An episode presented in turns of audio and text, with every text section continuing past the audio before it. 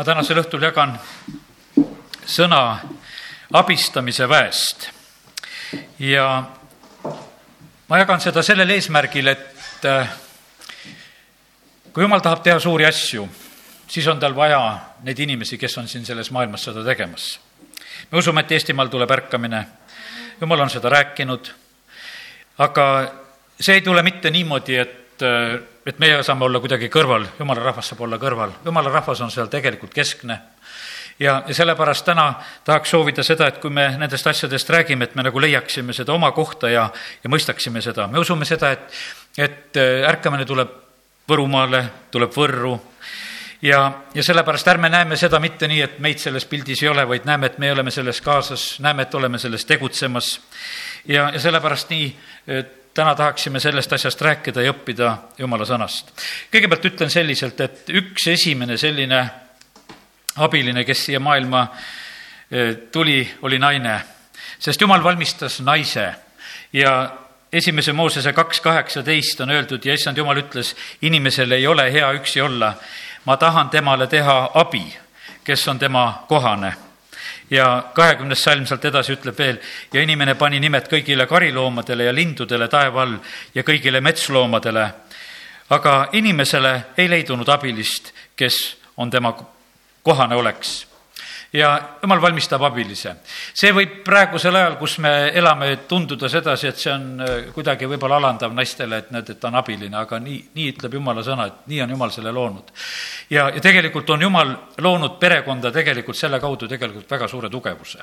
ja, ja sellepärast äh, seal on need kaks, kes saavad üheks ja, ja sellepärast kiitus Jumalale, et äh, Jumal on selle kõik nii loonud ja korraldanud, aga täna on täitsa selge, võite rahulikult võtta, ma ei hakka rääkima perekonna rollist, ma ei hakka nagu sellest asjast rääkima, vaid ma tulen, ma usun, et siin võib olla selliseid noh, ütleme, mõistmisi ka, mis teil tekib, kui me räägime hoopis eh, abiliste rollist Kristuse koguduses, Kristuse ihus. siin võib olla selliseid teatud peegeldusi, mida sa ise lihtsalt saad ja mille peale jumala vaim sul nagu näitab.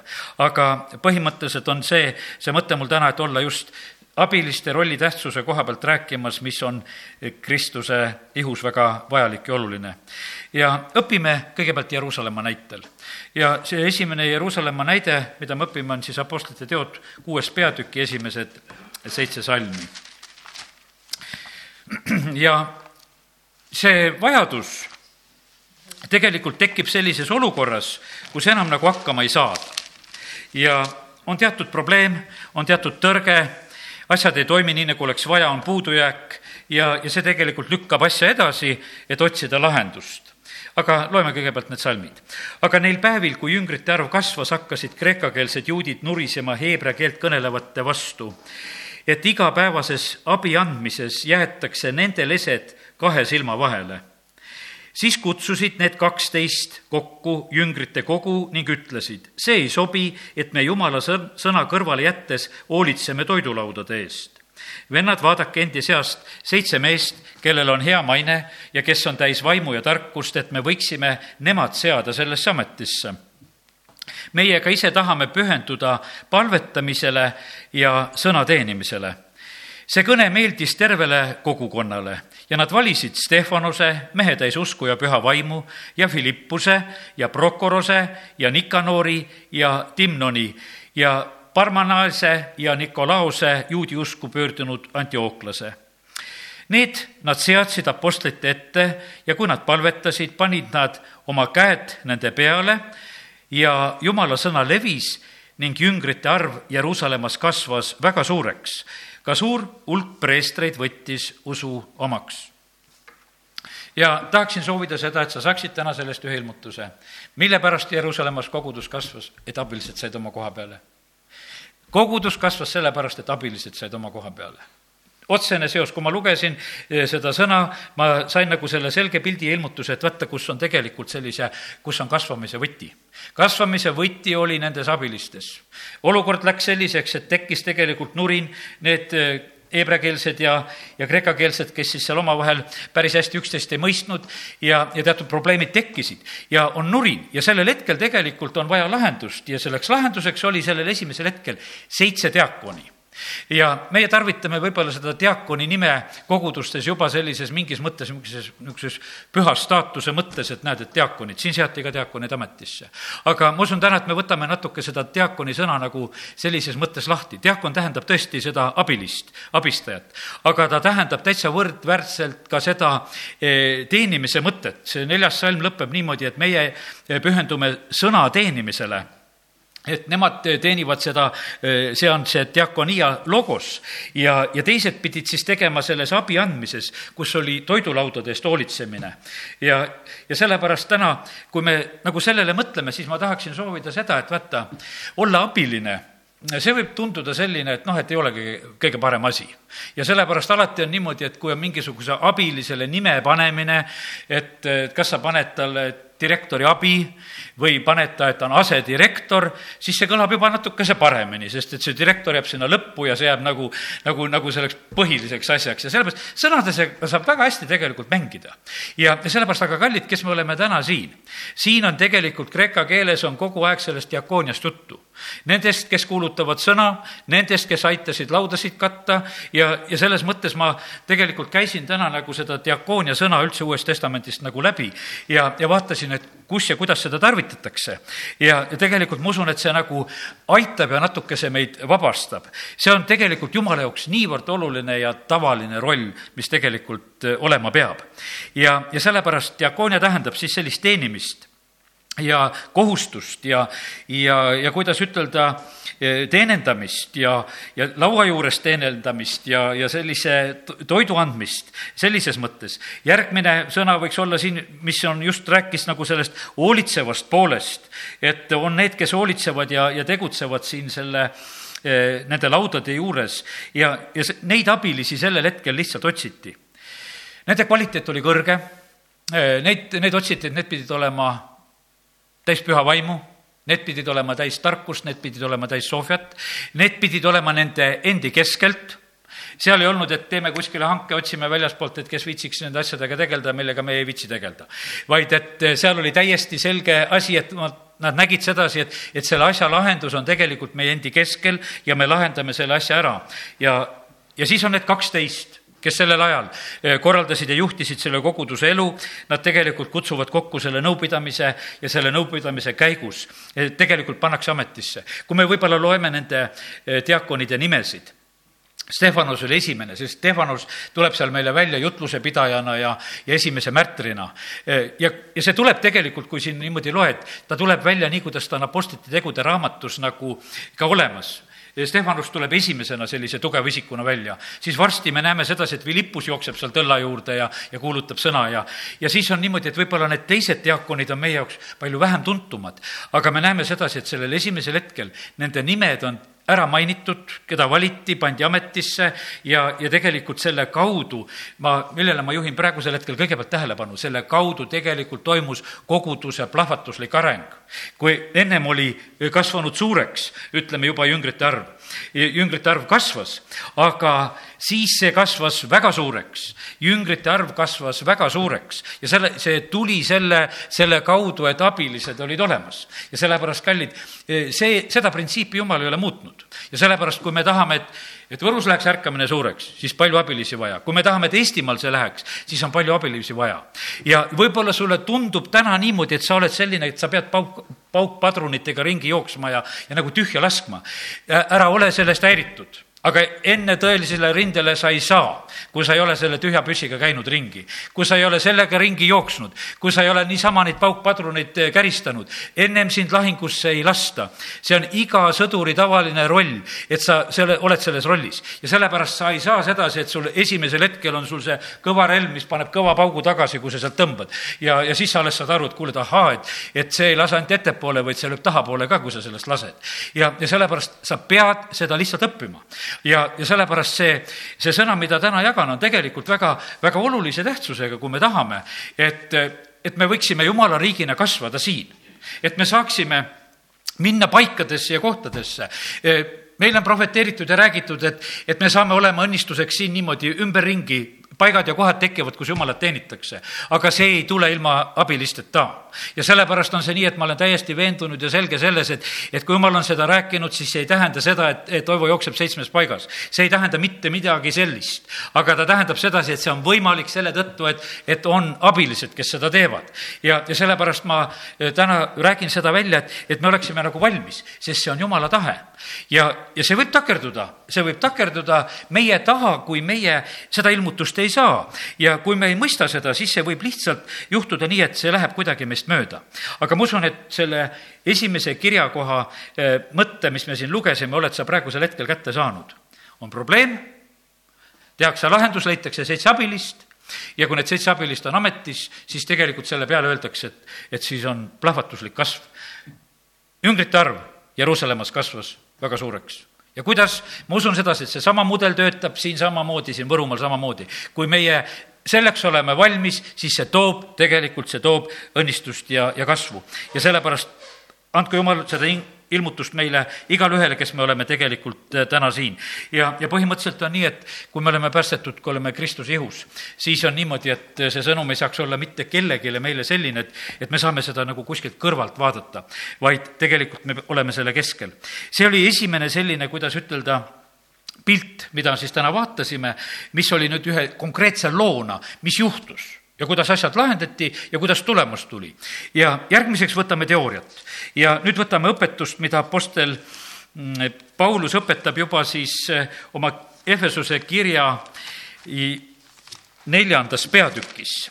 Ja, ja loeme seda, Apostlite teod neljas peatükk. Ja, ja see teooria kinnitab tegelikult väga seda, mis Jeruusalemmas ka oli juhtunud ja sellepärast loeme siit kõigepealt siis üheteistkümnendast salmist alates. tema on see, kes on pannud mõned apostleiks, mõned prohveteiks, mõned evangelistideks, mõned karjaseks ja õpetajaiks, et pühi inimesi valmistada abistamistööle Kristuse ihu ülesehitamiseks, kuni me kõik jõuame usu ja Jumalapoja tundmise ühtsusesse, saades täismeheks Kristuse täisea mõõtu mööda. et me ei oleks enam väetid lapsed, keda pillutab ja kõigutab iga õpetuse tuul et inimliku pettemänguga eksitusse kavaldada, vaid et me tõtt rääkides armastuses kasvaksime kõigiti selle sisse, kes on pea, Kristus. temas on kogu ihu liidetud kokku ja hoitakse koos kõigi üksteist toetavate liikmete abil, nii nagu on iga üksikliikme ülesanne. ja pane tähele nüüd seda sõna, mis siin lõppu on öeldud. sel viisil saab ihu kasvujõu iseenese ülesehitamiseks armastuses. sel viisil tuleb see asi, sel viisil see tuleb ja kellest oli jutt? Öeldi sedasi, et need eh, mõned, need mõned apostlid ja, ja prohvetid ja evangelistid ja mõned karjased ja õpetajad, nende roll on pühi inimesi valmistada abiliste tööle.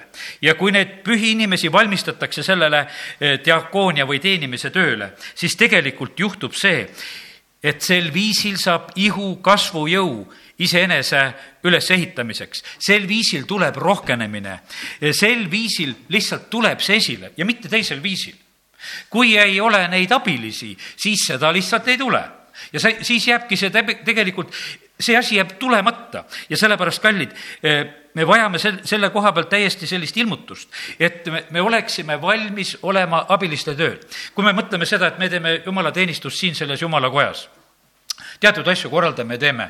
aga kui me teeme neid suuremates paikades, kui me teeme suuremates saalides ja sellepärast meie eesmärk peab olema see, et me saame nendes kohtades hakkama. meil olid siin, ütleme, mõned sellised kogemused, kus me tegime, ütleme, tegime siin Viljandis, tegime Uue-Antslas, tegime Võrus, oli üks niisugune koosolekute sari, kui vend Dmitri oli, läksime oma, oma tehnikaga, läksime missioonipäevadele. tegelikult me kogesime seda, et noh, et napilt-napilt saime hakkama ja, ja põhimõtteliselt oli see niimoodi, et, et see abiliste värk oli väga ja väga täpne.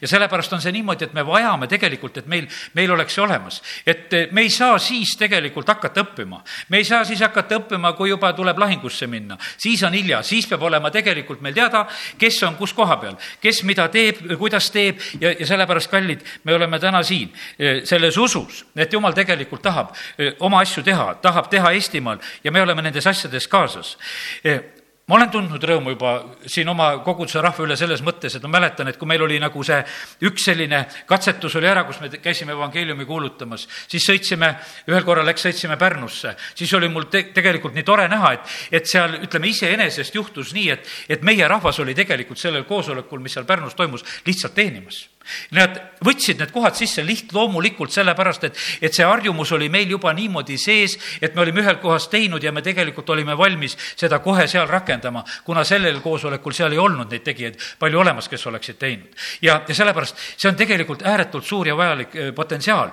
mida me võiksime omada, aga milleks me peame harjutama?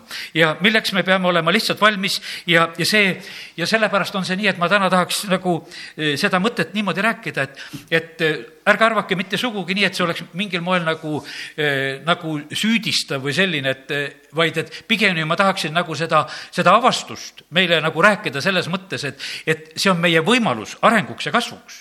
ja, ja kui me seda mõistame, siis tegelikult meie teeme seda, et me näeme, et ihu saab kasvujõu, et tuleb see rohkenemine, tuleb see kasv ja igal liikmel on oma ülesanne, üksteist toetavad liikmed, igaüks omal kohal teevad ja, ja tegelikkuses siis asjad sünnivad.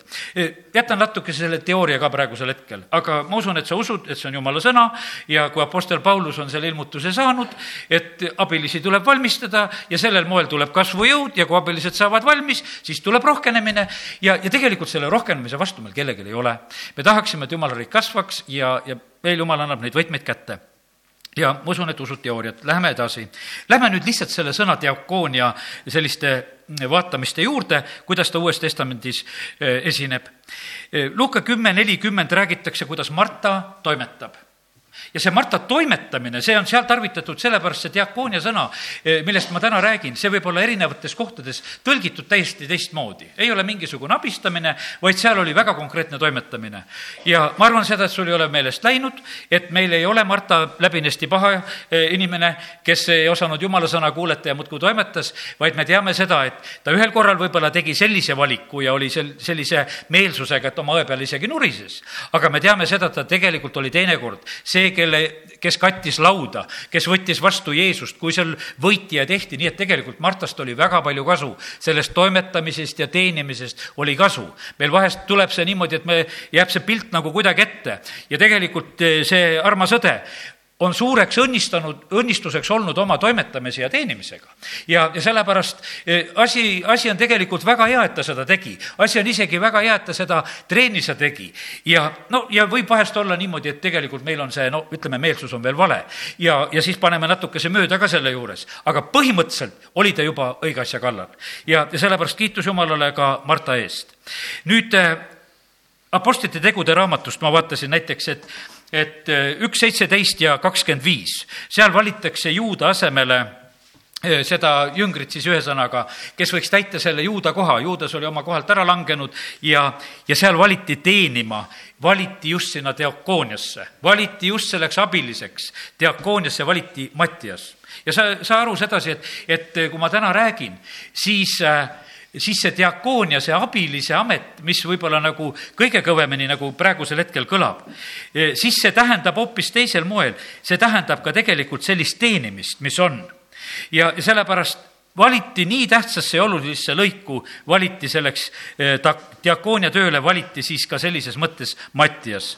Apostlite teod kakskümmend, kakskümmend neli, kui Apostel Paulus e, teeb nagu oma elu sellist nagu teatud kokkuvõtet siis, äh, siis on see selline, et see salm ütleb nii, kuid ma ei pea äh, oma elu e-, endale siis mingil kombel kalliks, vaid püüan lõpule viia oma elutöö ja ülesande, mille ma olen saanud issanda Jeesuse käest. tunnistada Jumala armu, Jumala armu evangeeliumi. jutt on tegelikult väga suurtest asjadest, elutöö ja ülesanne. ja sellepärast on see niimoodi, et, et see võib tunduda tänasel õhtul niimoodi, et oo, et täna pastor hakkas rääkima mingisugusest diakooniast ja asjast, et noh, et see küll ei, ei ole minu, minu probleem. et see läheb nagu kuidagi kuskile mööda. aga Apostel Paulus, kui ta oma elu kokku, siis ta tegelikult räägib, see ülesanne oligi see tema diakoonia see oli see, milleks Jumal oli teda kutsunud. ja sellepärast meil võib olla vahest niimoodi, et, et kurat on suutnud ära petta. Et, et sa ootad nagu seda, mida sa peaksid nagu tegema. ja sa ootad ja ootad ja ootad ja sul on nagu mingisugune pilt. aga kallid, saa kätte see pilt, milleks Jumal on sind kutsunud. ja mis on sinu elutöö, mis on sinu ülesanne, et sa selle jõuaksid tegelikult lõpule viia. sest et Apostel Paulus ütles, et ma püüan seda lõpule viia. sellepärast, et kui me liiga kaua võtame hoogu, no kas me lõpule jõuame viia? sest et hilja on siis, kui me lõpuks lihtsalt taipasime, et mida me nagu tegema peame. aga parem on juba, kui me sellele asjale saame varakumalt pihta. Ja, ja see on meile siis õnnistuseks. Apostel Paulus, tema amet, samamoodi tema diakoonia, Rooma üksteist kolmteist on öeldud, et ta on paganate apostel ja ta oli kutsutud, jumalal oli teda sellise abilisena vaja, et ta võiks täita seda ametit. ja, ja sellepärast on see niimoodi, et see diakoonia, millest ma täna räägin, näed, see läheb kaugele ära sellest, no kuule, Pauluse amet võib-olla sobiks küll, eks juba, et päris hea teine.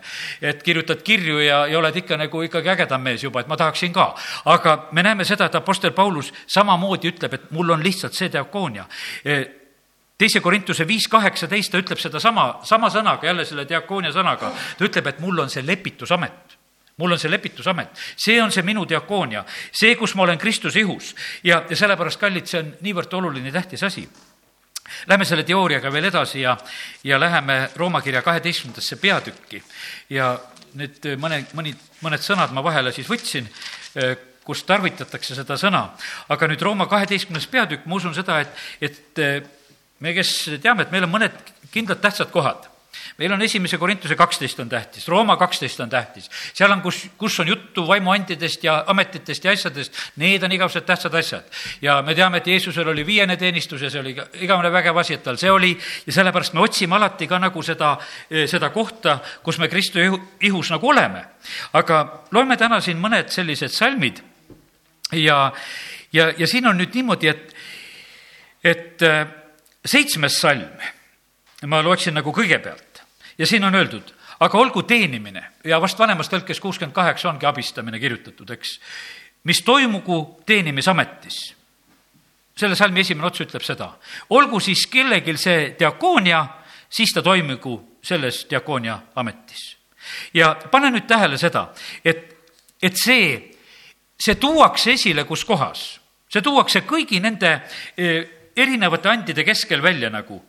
kuuendast salmist loeme, et eh, olgu prohvetliku kuulutamise and, mida katsu-, kasutatagu usu mõõtu mööda, olgu teenimine, see, mida praegu lugesime just, siis eh, olgu keegi õpetaja, olgu keegi hingehoidja, kui keegi jagab, keegi juhatab, hoolekandja, nende erinevate tegelikult andide keskel, nii loomulikult on tegelikult see abistamise and, see diakoonia and on pandud sinna nende keskel, et keegi on lihtsalt abistaja, et ta on nagu selles rollis. ja teate, kallid, kes neid asju jagab? Neid asju jagab tegelikult püha vaim ja sellepärast on see niimoodi, et, et see ei ole mitte sugugi nagu mingisugune nagu alandav asi, et kuhu sa nagu, nagu satud. kuhu sa nagu satud, sellepärast et, et mina mäletan, toon oma niisuguse võib-olla pildi oma elust, mäletan sedasi, et sõjaväeteenistuse ajast, kordusõppused. ja no minu sõjaväeline eriala, paar eriala, mis ma Nõukogude armees ära sain õppida, oli üks oli, ma olin laskur, sest ma olin kuus padrunit automaadist lasknud, kolm tükki järjest ja ühe ja kolm tükki ükshaaval ja sellest ma sain laskuriks. Moskvas juhtus nii, et sain mas-, laskuriks kuue padruniga ja hiljem õpetati mulle niimoodi, et kahe mehe saag ja raudkang ja umbes ja kirves ja käes ja, ja sellega õpetati luurajaks. ja, ja nii, et ära õppisin asjad, luuramise õppisin ära ja laskmise õppisin ära. ja, ja nüüd on niimoodi, et tuleb, ütleme, kordusõppus. ja, ja kuhu siis niisugust panna? et niisugust luurajat, laskurit. ja tankipolku pandi mind tegelikult eh, siis sellel hetkel kordusõppustele ja noh, ütleme sellise jalaväelasena umbes siis sellises mõttes oma laskurina, sa võiksid lihtsalt seal tankide vahel joosta ja hüüda hurraa et noh, see on see, see sinu koht, jooksed hurraa ja teised lasevad tankidega, siis sa vaatad, et nad seal kokku omavahel ei sõida ainult. ja, ja katsud seal kuidagi ära joosta. aga mul läks paremini. mulle läks, mul läks paremini, mulle määrati tegelikult seal, ma mäletan, väga konkreetne amet, et sa oled liikluse reguleerija, sa saad motoratta sest mootorrattajuhiload sul on ja sa saad mootorratta ja sa lähed liiklust reguleerima, sa lähed nurkade peale seisma ja kui siis kolonnid sõidavad, siis sa näitad siia või sinnapoole, kuhu on vaja minna. ja ma mõtlesin, ei, mulle see päris meeldib ja mulle täitsa sobib ka olla. aga tegelikult siis leiti, et kuule, et see mootorratas vist ja talveaeg oli ka veel, et ah, et sellega ei hakka jändama, et jätame selle mootorratta nagu kõrvale ja paneme su staapi jooksupoisiks ja olin staabis jooksupoiss. ja sellepärast tegelikkuses oli nii, et ma ei tundnud üheski tegelikult selles asjas, millesse mind pandi, alandatult ja mulle see tegelikult väga meeldis, lõpuks oli nii, et ma olin staabis, olin jooksupoiss, kaks nädalat olin staabis, jooksupoiss, kakskümmend kraadi külma, veebruarikuu, sellised suhteliselt külmad hommikud ja ööd ja, ja oled seal ja, ja täidad seda ametit ja kallad nendele suurtele ülemustele, seal polkovnikutele, kallad teekannust vett käte peale, need tõmbavad pool keha paljaks, pesevad ennast, mina seal kallan, et peske, peske ja, ja need olid suured sõjamehed ja kes seal juhtisid ja, ja see oli tegelikult vä-, väga võimas ja, ja tore, tore amet tegelikult mulle nagu sellel hetkel meeldis.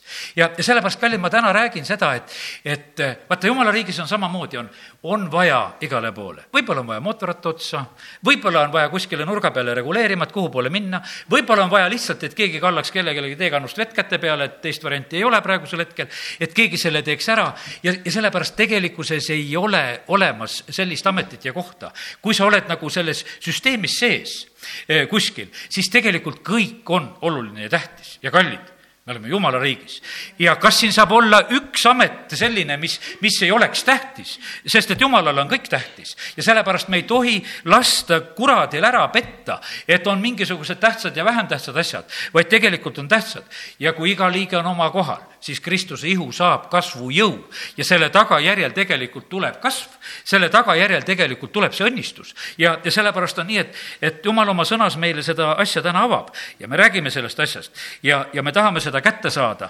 ja, ja kiitus Jumalale, et, et Jumala püha vaim on selles asjas tegelikult koordineerija, sest et tegelikult Jumal ise annab igale ühele neid ameteid.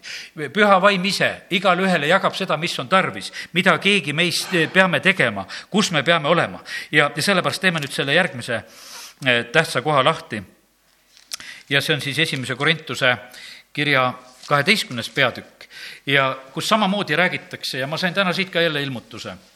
ja loeme sealt eh, esimese Korintuse kirja kaksteist neli kuni kuus. armuandides on küll erinevusi, aga vaim on seesama. teenimisviisides, siin on nüüd just jälle diakooniast, on küll erinevusi, aga vaim on seesama. ja väeavaldustes on erinevusi, aga Jumal on seesama, kes teeb kõike kõikides.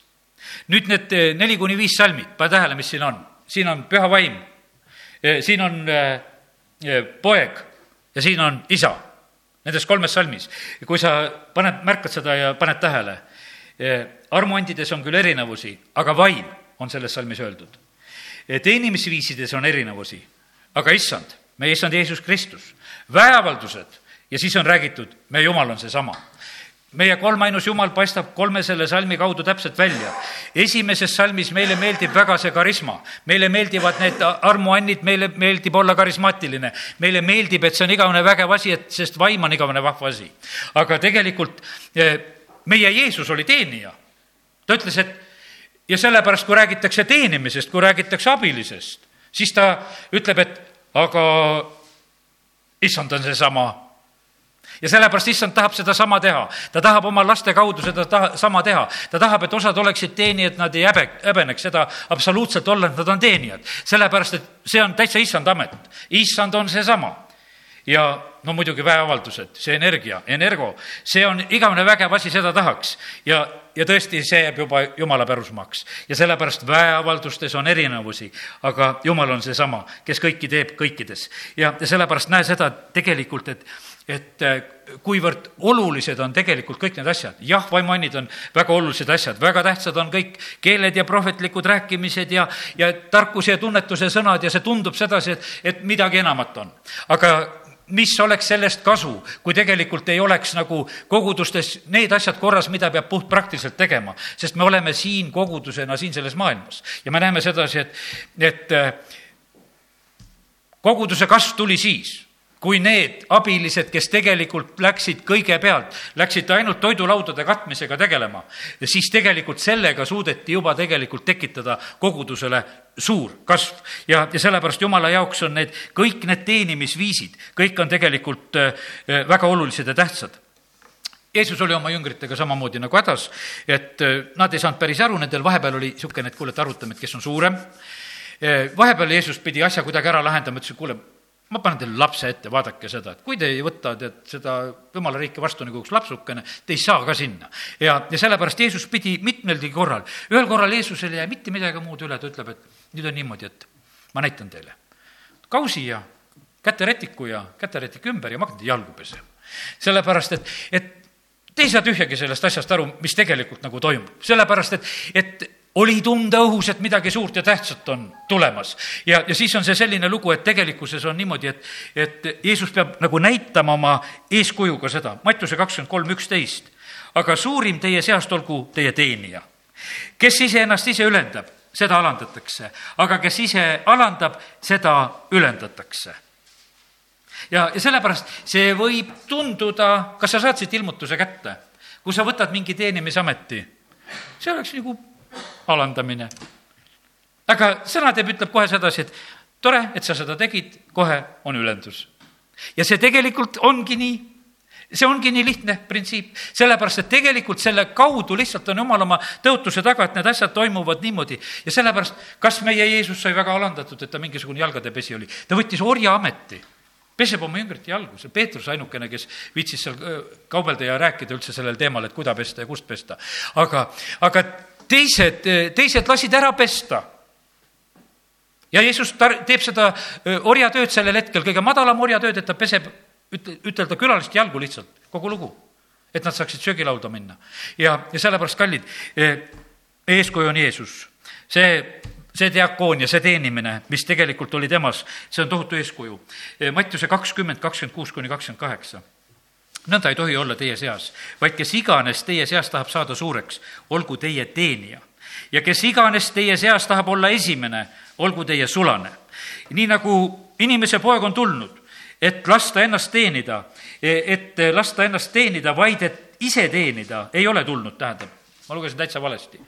hakkan uuesti nii nagu inimese poeg ei ole tulnud, et lasta ennast teenida, vaid et ise teenida ja anda oma elu lunaks paljude eest no me võime nii passiivselt kuulata, tead, et noh, et me oleme, vahest saame niimoodi ütelda inimesele, et umbes, et ära tee tüli mulle enda pärast ja ta ütleb, oh ei midagi, pole midagi viga, eks. sest ta ei kuulanudki seda, mida tegelikult öeldi ja teie ka ei kuulanud. ja, ja sellepärast nii, nii see elus on meil, et me võime lugeda ja rääkida ja, ja te mõtlesite kõik õieti nii noh, nagu selliselt, nagu peaks nagu olema ja sellepärast vahest võib sõnas selliselt ka eksida. aga tegelikult tasub aru saada sõnast, tasub täitsa mõista ja tasub ilmutust saada. aga saate sellest aru, et kes on suured?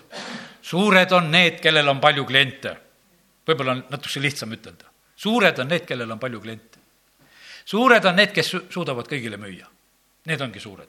Need on need, selle maailma suured firmad on need, kes kõigile müüvad Need on suured. ja siis on väiksed firmad, kes natuke midagi teevad. aga suured, neid teatakse igal pool, teatakse Aafrikas, teatakse Eestis, teatakse igal pool. ja nad müüvad, kas see kõik alati nii tähtiski on, mida nad müüvad, aga nad on suured sellepärast, et nad teevad selle asja tähtsaks, mida nad müüvad. ja sellepärast, kallid, põhimõte on selles, et see see kaup, millega meie kaupleme, see tegelikult on väga oluline, tähtis. me tahame, et jumala riik leviks ja laieneks ja sellepärast jumalal on vaja, et see jumala riik saaks suureks selle kaudu, et on väga palju neid abilisi, kes tegelikult aitavad laiendada jumala riigi levikut. ja, ja sellepärast eh, tahaks soovida seda, et, et see võiks eh, nagu juhtuda meie hulgas samamoodi, et, et me oleksime nagu eh, sellepärast rebimas, et kuidas saaks, me, kui me loeme seda et isegi andide pärast, kui me loeme Uues Testamendis, et nad on tegelikult Pauluse ümber umbes, et kuule, võta meie annid vastu et me, meil on soov, et me tahaksime olla need annetajad, et meie annid läheksid sinu kaudu ja läheksid nendesse paikadesse, kohtadele, kohtadesse. ja, ja sellepärast, ja tegelikult on see niimoodi, et, et kus eh, pannakse tähele abistamist ja asja, kindlasti pannakse tähele seda taevas. aga Apostel Paulus eh, pani ise tähele ka, kes teda aitasid. ja, ja sellepärast, kallid, see on täiesti nii. me täna käisime ühte õde külastamas ja, ja ühel rõõmupäeval ta võttis ühe väikse ülesande, mida ta tegelikult tegi. tead, ma mäletan seda igavesest igavesti. see on super, ma mõtlesin, et kiitus Jumalale. see võib tunduda niimoodi, et peale rõõmupäeva tulla ja võib-olla tunnikene siin ümber palvele või palvelas midagi teha, et tühja kah seda, et noh, niisugune väike asi, et ise ei saa siis seda tehtud või. tead, aga tegelikkuses on see niimoodi just, et see, mis saab olla, sellepärast et, et kui me aastaid tegime neid päevasid ja, ja siis olid need abilised tegelikult olid kõik nii omal kohal. ja, ja sellepärast Apostel Paulus, ma nüüd lähen niimoodi, et Toival on ka samamoodi meeles nagu Paulusel asjad.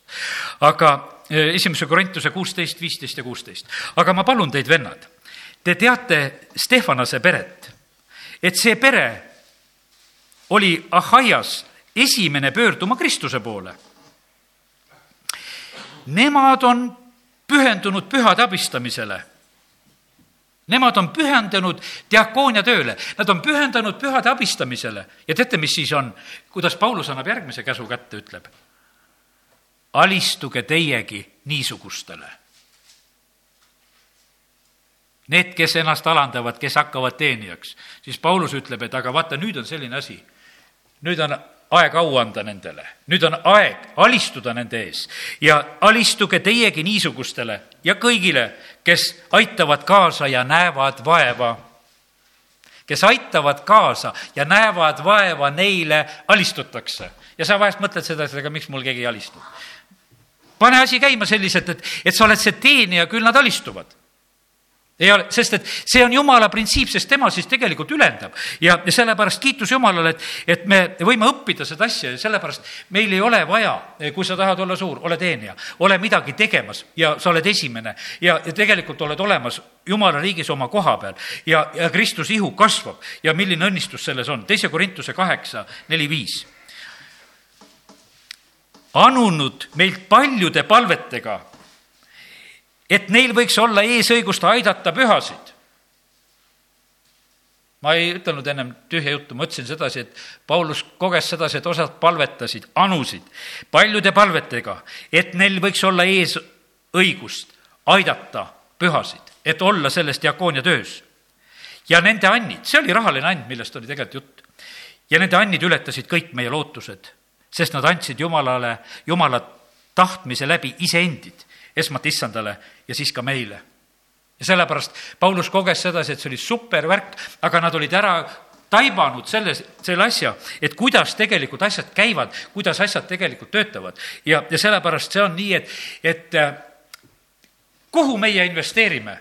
eile käisin postkontoris, polnud kunagi niisugust teenindamist saanud, saan oma ühe postipaki või selle kirja kätte, mis ma pidin sealt ära tooma loterii pannakse ette, kõik terve kasti täis.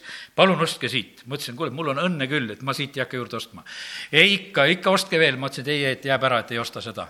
ja, ja sellepärast, kallid, aga me näeme sedasi, siin Paulus kirjutab, et, et need, kes olid taibanud sedasi, et kus tegelikult tasub millisesse sambasse tasub investeerida kas tasub neid loteriipileteid osta või mingisuguseid sambaid taga ajada, et kuhu sa oma raha eh, lükkad sisse, aga tegelikult me näeme sedasi, et see kõik, see parem sammas on siin, kui sa tegelikult saad pühasid abistada ja, ja see tuleb sulle rikkalikult tagasi. jumal teeb siis rikkaks sind iga hea teo tarvis. Paulus õpetab seal Korintuse kirja üheksandas peatükis, sellepärast et vaata, ta näeb sedasi, et kuule, et, et see asi läks tööle ja, ja tasub. ja kui, kui see asi läks juba tööle, kuule, siis antakse hoogu juurde, sellepärast et võib seda anda.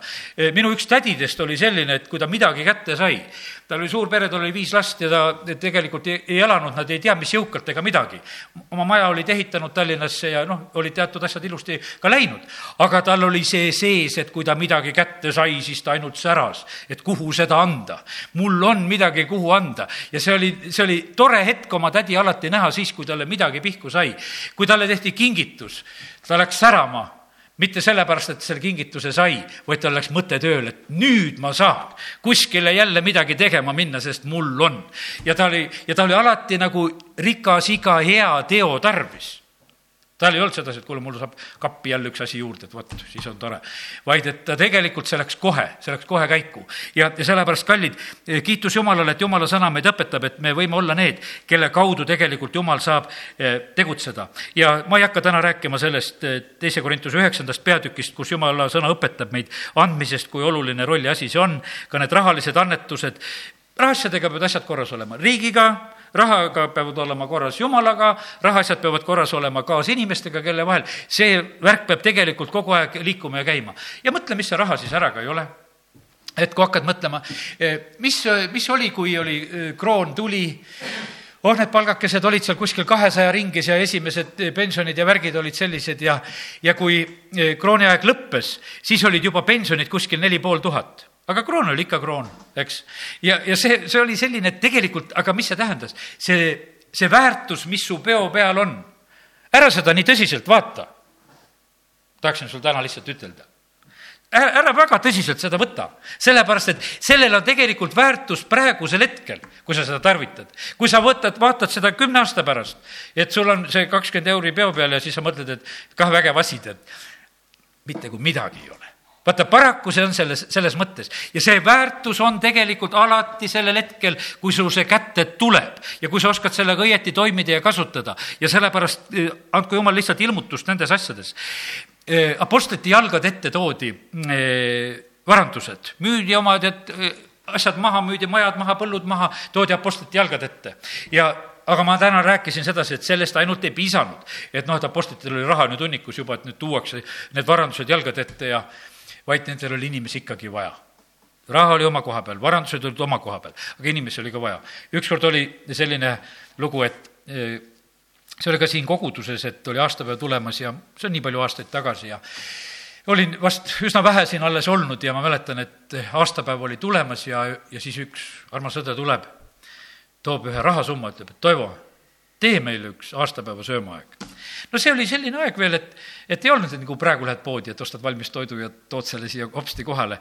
see oli selline aeg, et sa pidid tegema nagu kõik sellest kilu oli karbis ja puhastamata ja, ja, ja kõik need, sa pidid kõik tegema selleks, et seda teha. ja tead, ja, ja mul käis tegelikult nagu üks kurvastus läbi, mõtlesin, mis asja. et nüüd on see ülesanne sulle toodud, toodi apostlite jalgade ette, et tehke siis neid meile see laud, aga ei, apostlid olid targemad, nad panid abilised tööle ütles, et meil on vaja neid, kes lauda katavad. me ei saa sedasi, et, et me läheme ära. ma mäletan, et isegi seekord olid meil ikkagi, olid lauad lõpuks kaetud ja, ja siis oli üks niisugune järgmine niisugune huvitav hetk oli see, et kui, kui see pidu oli kõik läbi, siis läksid, võiks ütelda, kõik ära. üks külaline jäi ja kas siis jäi veel üks meie küla, üks meie koguduse inimene, kes veel jäi siia, kes jäi siis seda sorteerima, mis sellest järgi jäi. ja, ja sellepärast kõigil oli hopsti, kõik oli valmis ja läinud, sest et alguses oli makstud ja, ja lõpuks oli mindud. ja, ja sellega oli kõik nagu tehtud. ja, ja tegelikkuses oli see niimoodi, et ma leidsin see, et, et see on midagi väga, väga valesti. et see asi üldse niimoodi tegelikult ei käi. et see ei ole üldse niimoodi nagu mõeldud, et see peaks olema. ja sellepärast täna, kui me räägime, siis me näeme seda, et tegelikkuses on see niimoodi, et, et jumal paneb kõik asjad oma koha peale ja kui kõik täidavad oma ülesanded õigel moel, siis ei ole see selline, et, et seda ei suuda nagu ära teha, vaid et siis need asjad lähevad.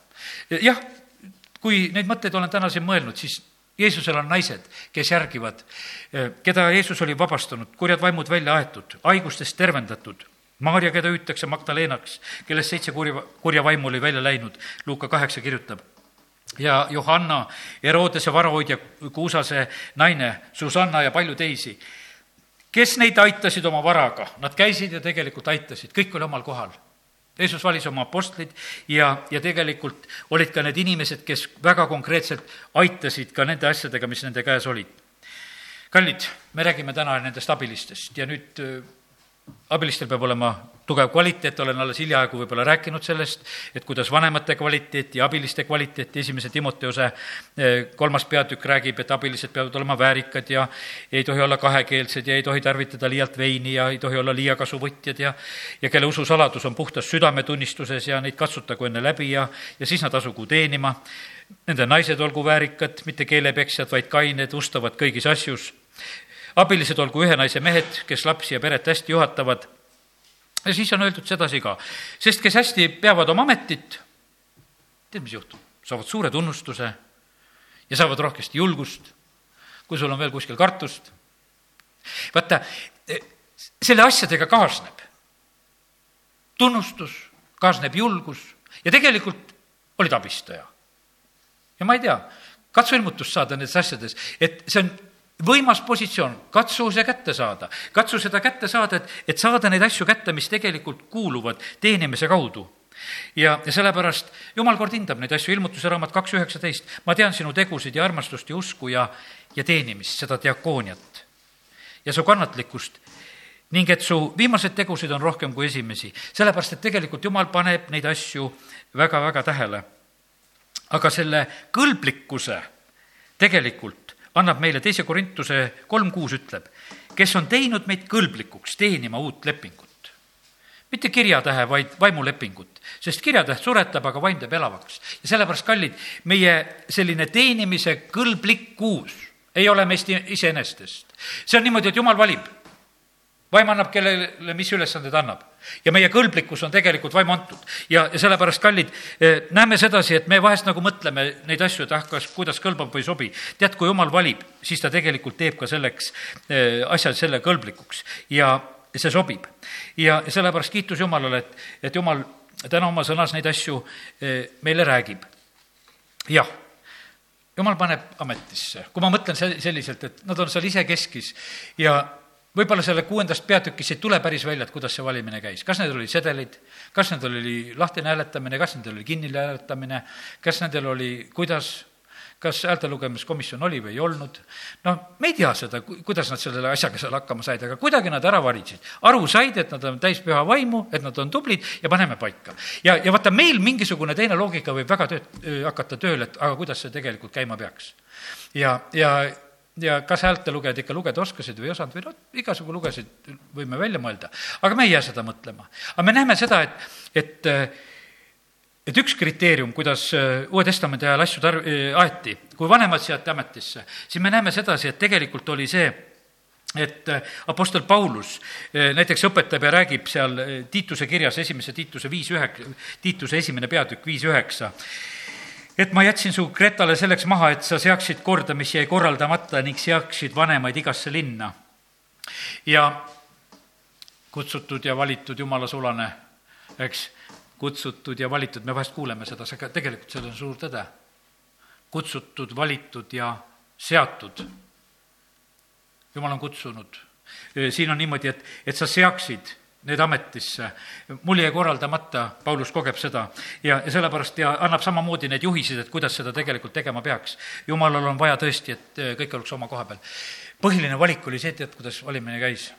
Jeesus palvetas terve öö kui ta oma jüngrid valis. ta palvetas terve öö ja Luuka evangeelium kuues peatükk ja kaksteist salm. ja neil päevil sündis, et Jeesus läks mäele palvetama ja veetis kogu öö Jumalat paludes. ja kui valgeks läks, kutsus ta oma jüngrid enese juurde ja valis nende seast kaksteist, keda nimetatakse apostliteks ja siis tulevad nimed Siimon esimeseks ja, ja, ja, ja Juudas, kes oli ära andnud ja viimaseks, niimoodi nad on siin kirja pandud. ja, ja siis meil võib olla võimalus, et millist evangeeliumi me tarvitame selle asja jaoks Mattiuse evangeeliumist me saame hoopis niimoodi, et, et Jeesus kutsus kaksteist jüngrit enese juurde, see on kümnes peatükk ja esimene kuni neljas salm, ja andis nendele meelevalla rüvedate vaimude üle neid välja ajada ja parandada kõiki haigusi, igasugust nõtrust. ja nüüd on meil valikud teha, et kas me võtame Luuka evangeeliumi, kas me võtame Mattiuse evangeeliumi selle issanda kutsumised, see on vägevam kuidagi, seal antakse ikka mingisugune meelevald kohe. ja rüvedad vaimud ja haigused ja kõik peavad alluma, igasugune nõtrus välja. aga äkki meeldiks Markus hoopis? mulle tegelikult meeldis väga Markus, kuidas Markus kirjutab seda asja. see on kolmas peatükk, kolmteist kuni üheksateist. Jeesus läks üles mägedesse ja kutsus enese juurde, keda ta ise tahtis ta kutsus enese juurde, keda ta ise tahtis. ja need tulid tema juurde.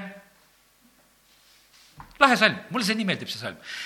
Jeesus läks mägedesse ja kutsus enese juurde, keda ta ise tahtis ja need tulid tema juurde. ja ta seadis kaksteist, keda ta nimetas apostliteks, et need oleksid temaga, et need oleksid temaga.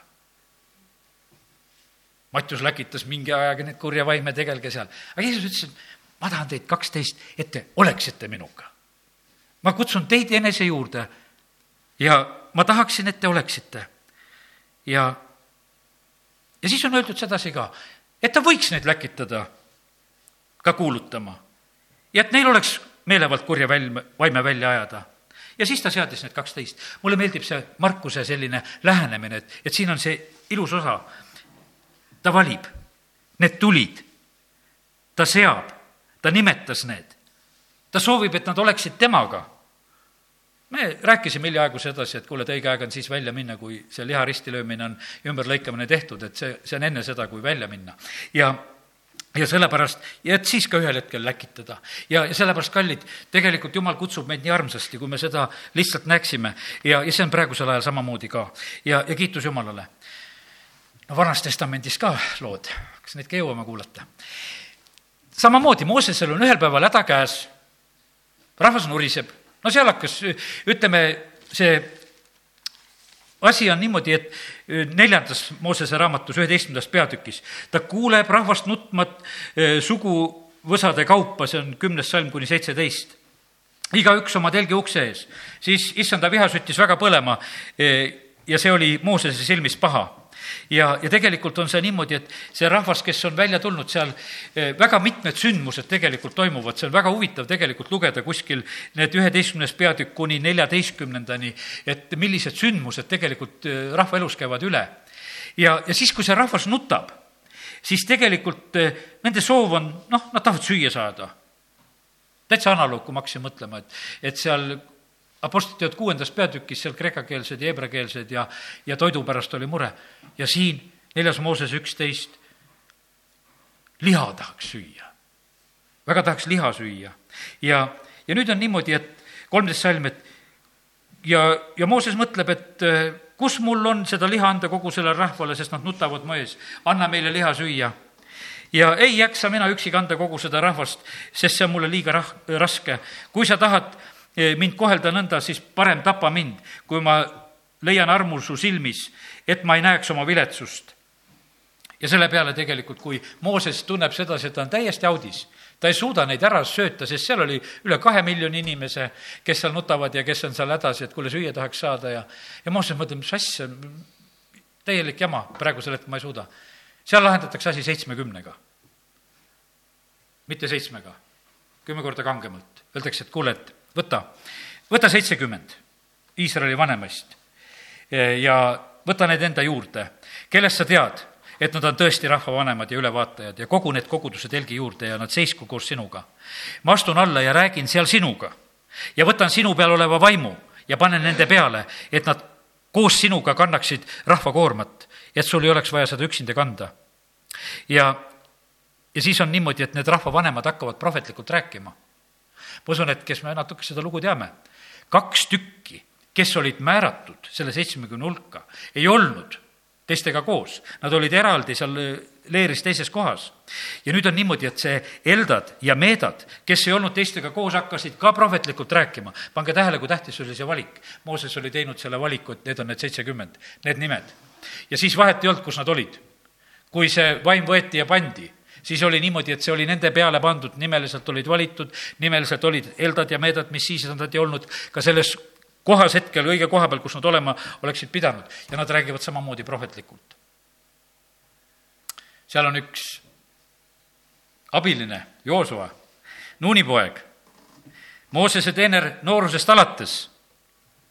ja see jookseb Moosese juurde ja võtab sõna, et Mooses, mu isand, keela neid kakskümmend üheksa salm, aga Mooses vastas temale, kas sa ägestud minu eest? kes küll annaks, et kogu issanda rahvas saaks prohveteiks, et issand paneks oma vaimu nende peale. ja, ja kallid, eh, siin on üks teine abiline noorest peast, on Joosua. meil on praegu siin Eestis on niisugune asi käimas, et üks erakond hakkab oma, tahab kangesti oma juhti vahetada. ja, ja ma noh, teatud mõttes nagu põnevusega jälgin. tegelikult noh, minu jaoks on niimoodi, nad saevad tegelikult oma oksa sellepärast, et kui liider on, siis on liider, on liider.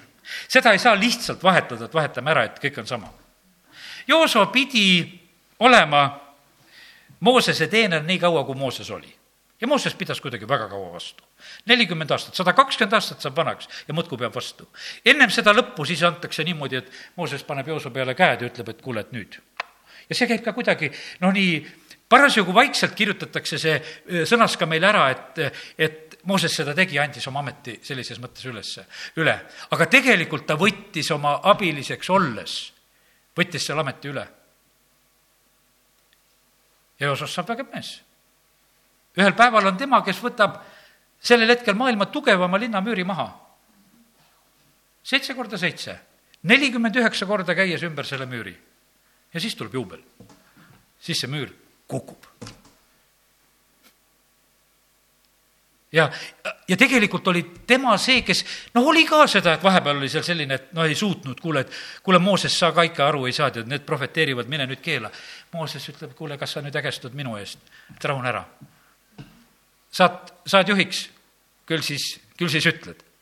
ja, ja sellepärast, kallid, nii see on, et tegelikult on niimoodi, et, et abilistest, ma tahan seda juttu niimoodi lõpetada, abilistest saavad juhid saa see ilmutus samamoodi. abilistest saavad juhid. abilistest saavad juhid ja sellepärast Jumal eh, tarvitab seda, seda väga selgelt, eh, seda meetodit ja, ja sellepärast, kallid, me, me ei pea mitte sugugi eh, alahindama neid. ma täna mõtlesin neid piiblilugusid, näiteks Neemia lugu, lühidalt lihtsalt jutustame. no oli ikka võimas joogikallaja küll. joogikallaja ütleb, et kuule, kuningas luba mind korraks, ma käin Jeruusalemmas, ma ehitan müürid ülesse. kuningas küsib täiesti arukalt, et kauaks sa siis lähed, palju sul aega läheb? ta ütleb aja, kuningale sobib. siis ta ütleb kuningale, et kuule, et no sa võiksid kirjad ka kaasa anda, et mulle metsa ja, ja kõiki neid kive ja kõiki värke antaks, mis mul on vaja, et ma siis lähen. ja ta ehitab viiekümne kahe päevaga selle müüri üles ja tegelikult oli seal abistajate vägi. terve kolmas peatükk räägib abistajatest, kes olid. Neeme ei ehitanud seda üksinda. ta suutis selle idee panna teiste südametesse, sest see põles temas. ja siis oli terve abistajate vägi, kullassepad ja kaupmehed ja, ja nii tore oli näha, et need preestrid kõigepealt käis esimesed. Nad võtsid nagu selle, kuidas ütelda, nii, nii üks-ühele nagu selle, selle asja nagu üle, et äh, sellise kuulekusega, kui seda nagu jälgida, kui Neemia teeb selle üleskutse ära, et kuule, oleks vaja ehitama hakata, siis see rahvas tuleb tegelikult sellele asjale taha. ta kõigepealt läheb sinna, ta vaatab ju vaikselt, teise peatüki lõpupool on see koht, kus ma praegu vaatan, et Jeruusalemm on vära-, varemeis ja väravad on tulega põletatud ja ja siis ta ütleb, et mingem ja ehitagem üles Jeruusalemma müür, et meid enam ei teotataks.